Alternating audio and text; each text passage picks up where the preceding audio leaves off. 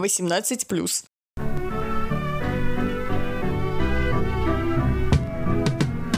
Это подкаст «История белорусского секса» от проекта «Альтернативный музей». Здесь мы опровергаем миф о непорочности белорусских селян и рассказываем об эротике, об их повседневной жизни.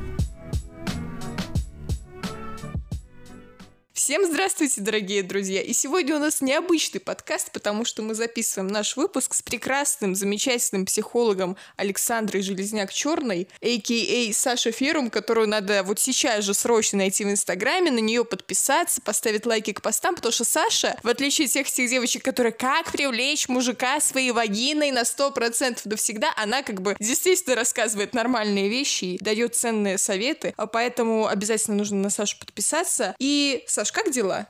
Хорошо, мне очень приятно, что меня именно так описывают, что противопоставление всяким э, дыханием матки.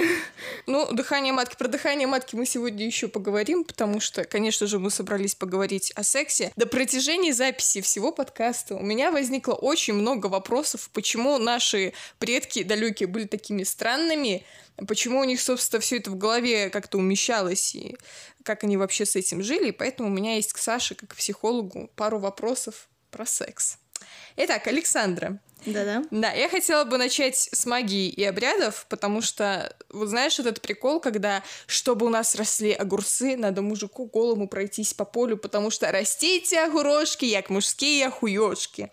Вот, и вообще очень много таких переносов по образу и подобию. Что это за феномен такой и как это работает? Ну, я думаю, наверное, будет сложно сейчас сравнивать там э, людей, сельчан и детей, но мне кажется, это похожая ситуация, когда, например, ребенок развивается и вообще формируется его сознание, мышление, а, когда он еще маленький, и он не понимает, какой предмет для чего нужен. Для него ложка — это может быть игрушка, и машинка игрушка, и розетка игрушка. И потом родители делают так, что они объясняют, для чего, например, нужна ложка, что с ложки мы кушаем, да, там в розетке мы пальцы не суем и так далее. И вот получается, что это проще всего, когда что-то на что-то похоже, ты начинаешь его использовать для, например, тех же вещей. Например, если ложка похожа на какую-то палочку-игрушку, ты будешь использовать ложку как молоточек, да, как игрушку, или наоборот, молоточек похож на ложку, ты будешь с молоточка пытаться есть. У меня есть ощущение, что именно поэтому э, люди там того времени, они точно так же. Это похоже, значит, это можно использовать таким же образом. Или наоборот.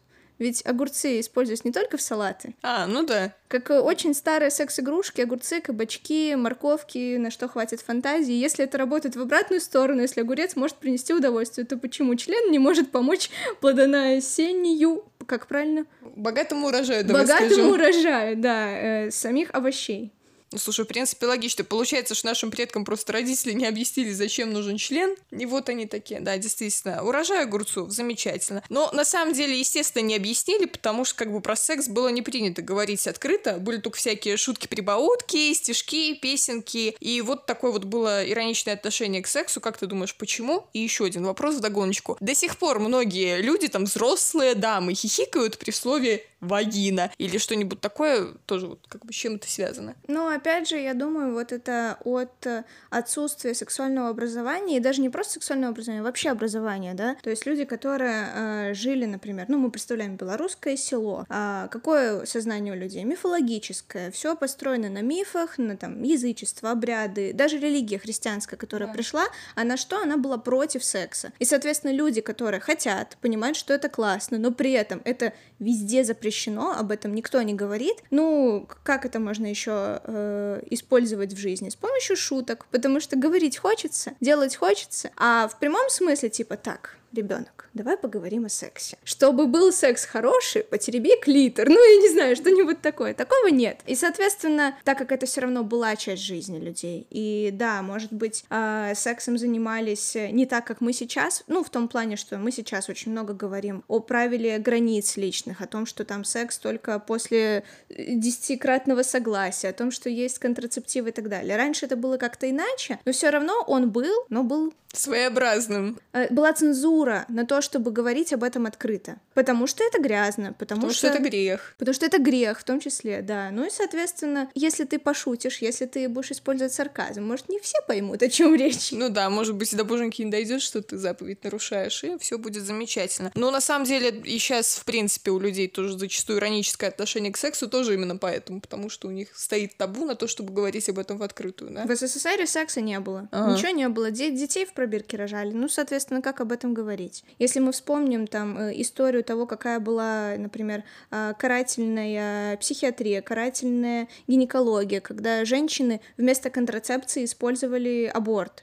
Ну, соответственно, когда появляется сознание людей, что я занимаюсь сексом, я получаю от этого удовольствие, но мне сейчас будет плохо, потому что там я забеременею, я пойду делать аборт, мне будет делать больно, ну, сразу же, понимаешь, такое несмыкание, двойственность какая-то в голове. Так может быть, секс это плохо, так может быть, секс это вредно, раз вот он мне доставляет столько там дискомфорта, неудобств, боли и всего остального. Действительно, еще гинеколог тебе нахамит, конечно, в советской поликлинике. Слушай, по поводу того, что секс это как-то плохо, э, по крайней мере, у наших предков было четенькое представление, что секс до свадьбы вот это точно плохо, да, и нужно было сохранять невидность до свадьбы девушкам, что важно. Если вдруг девушка занималась сексом до брака, то она потом подвергалась просто невероятной травле, насмешкам, и об этом судачили соседи, там обсуждали с ее родителями. Слушай, почему люди такие злые, почему берется эта травля, и как вообще девушкам потом с этим живется? Ну, во-первых, э, почему травли, почему люди злые? Потому что, э, ну, во-первых, в чужом глазу соринку заметишь, в своем бревна не увидишь. Когда ты видишь в других людях, что они тоже такие греховные, плохие, очень здорово начать их обсуждать, чтобы подумать, что, ну вот я-то хороший, я так не делаю, со мной все хорошо. Почему до сих пор люди любят смотреть «Пусть говорят», э, мужское и женское, все остальные шоу? Потому что мы видим, как эти все распущенные, дрянные люди так плохо живут, а я хороший, да. со мной все в порядке.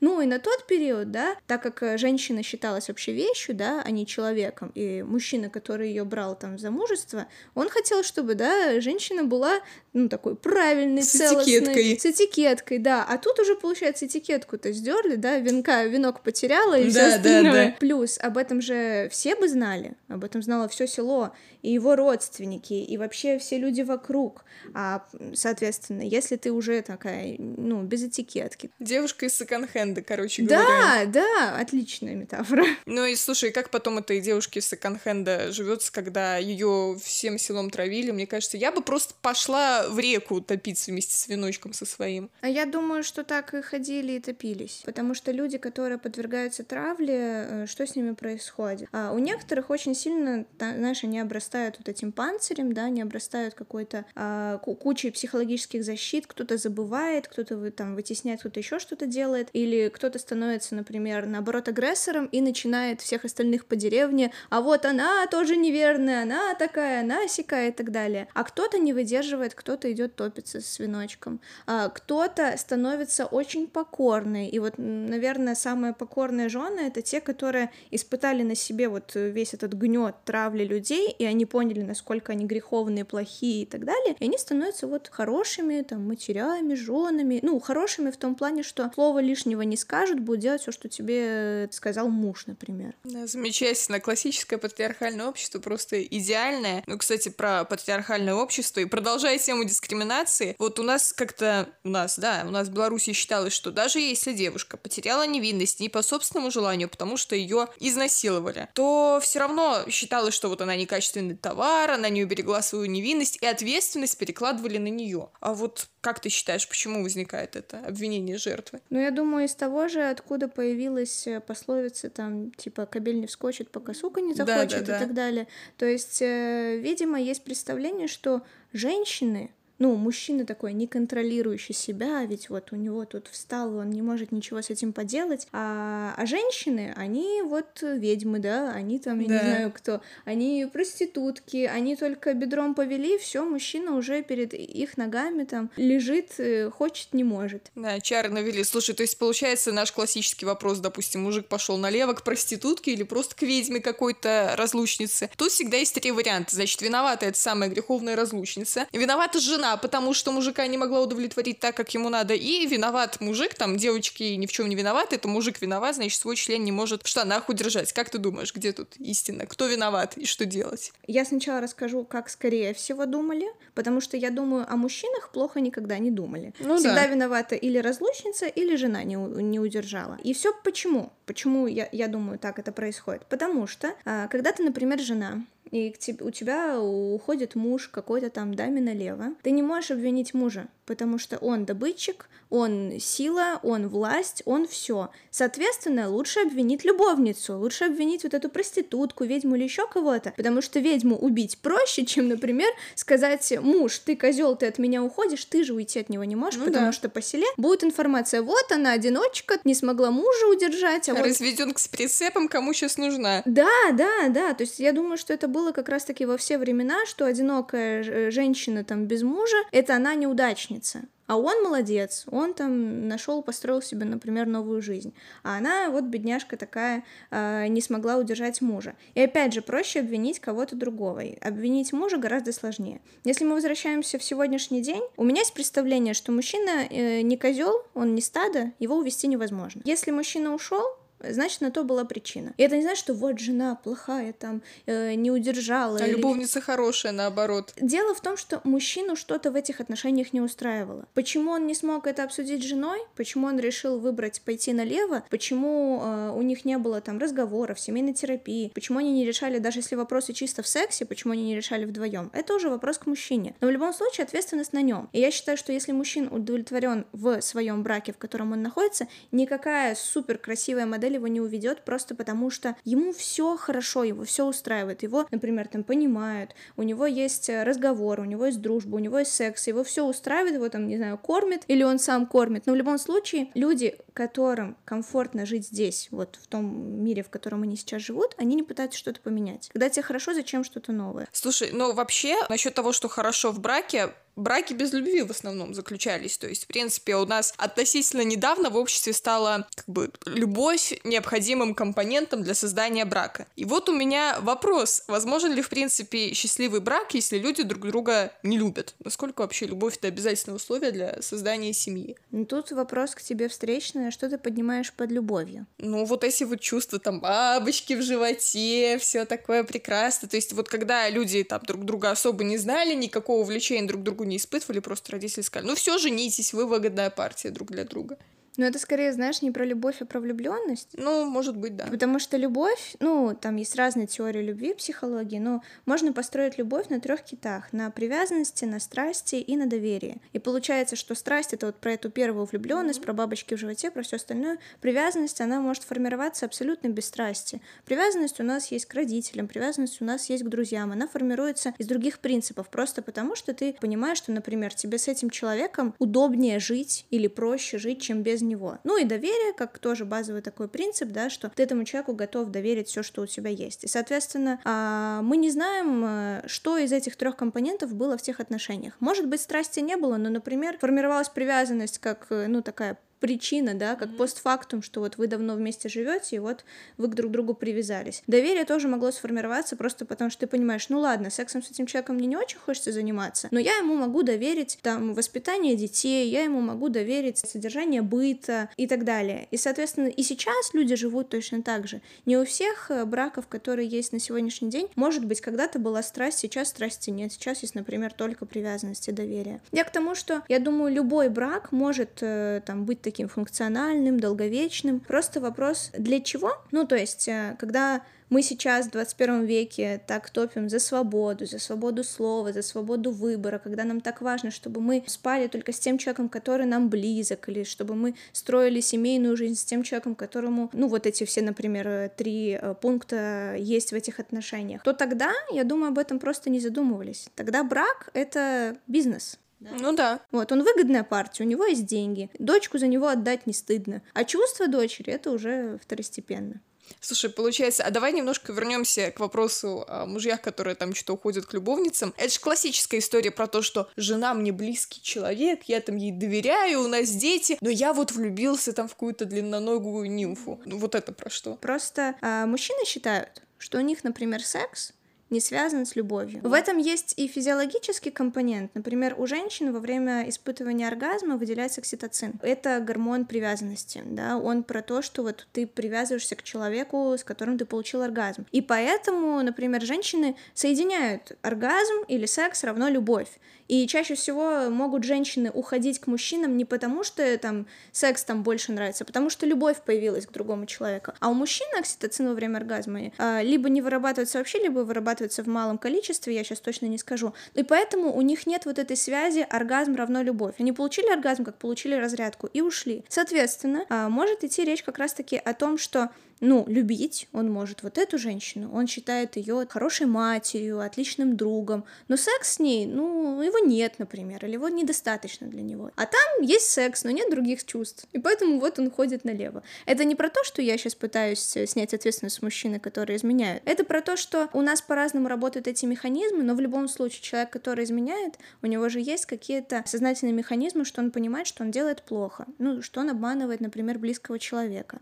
А насколько можно а, ну, там, не знаю, спокойно жить, зная, что ты обманываешь там своего друга, да, свою там родственную душу. Ну, кто-то вполне спокойно живет, как мы видим. Да, ну, потому что и не все достаточно осознанны. Для некоторых типа, а, ну, чё, ну, сходил налево. Ну, а если мы говорим про там старые времена, да, про село, я думаю, тогда вообще такие вопросы не поднимались. Чувства высокие, доверие, еще что-то. Есть какой-то вот очень простая, простая жизнь, нужно выжить. Когда очень много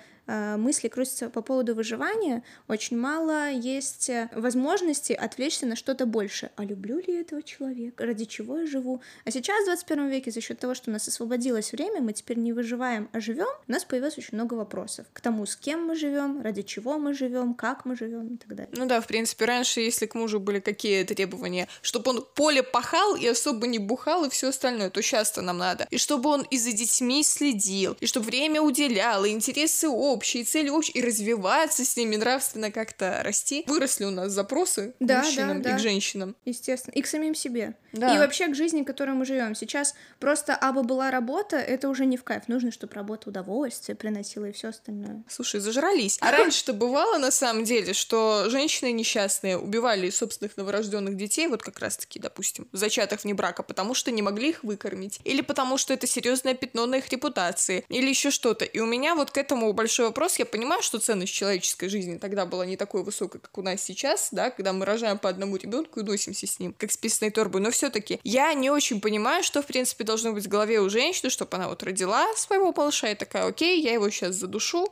утоплю, потому что... потому что. Ну вот ты правильно отметила, что сейчас повысилась ценность жизни человека и вообще ценность детей. После вот там Второй мировой войны, когда случился бэби-бум, когда каждый ребенок стал на счету, стали понимать, что вообще-то дети — это наше будущее. Если не будет детей, да, то не будет какого-то продолжения. А тогда дети — это в том числе рабочая сила. Когда в семье было по 12 детей, продолжительность жизни 40 лет, а тебе нужно вот это все поле, все 20 соток спахать и так далее, ты уже думаешь, 12, 11 детей, а неважно, еще одного сейчас родим. Ну, в том плане, что контрацепции-то нет, и каждый секс может быть как раз-таки причиной последующих родов. Получается, ну вот так вот занимались сексом пять раз за всю жизнь, а пятеро детей. Ну, слушай, слава богу, что эти страшные времена на самом деле прошли, и мы серьезно развиваемся, общество серьезно развивается, и таких проблем перед нами больше не стоит, но все-таки скажи, может быть, остались еще, они сто процентов остались, а какие-то проблемы сексуальные вот именно в обществе как бы распространенные, проблемы, связанные с сексом, и, может быть, ты можешь предложить какие-то пути их решения? Сейчас, э, я считаю, очень мало информации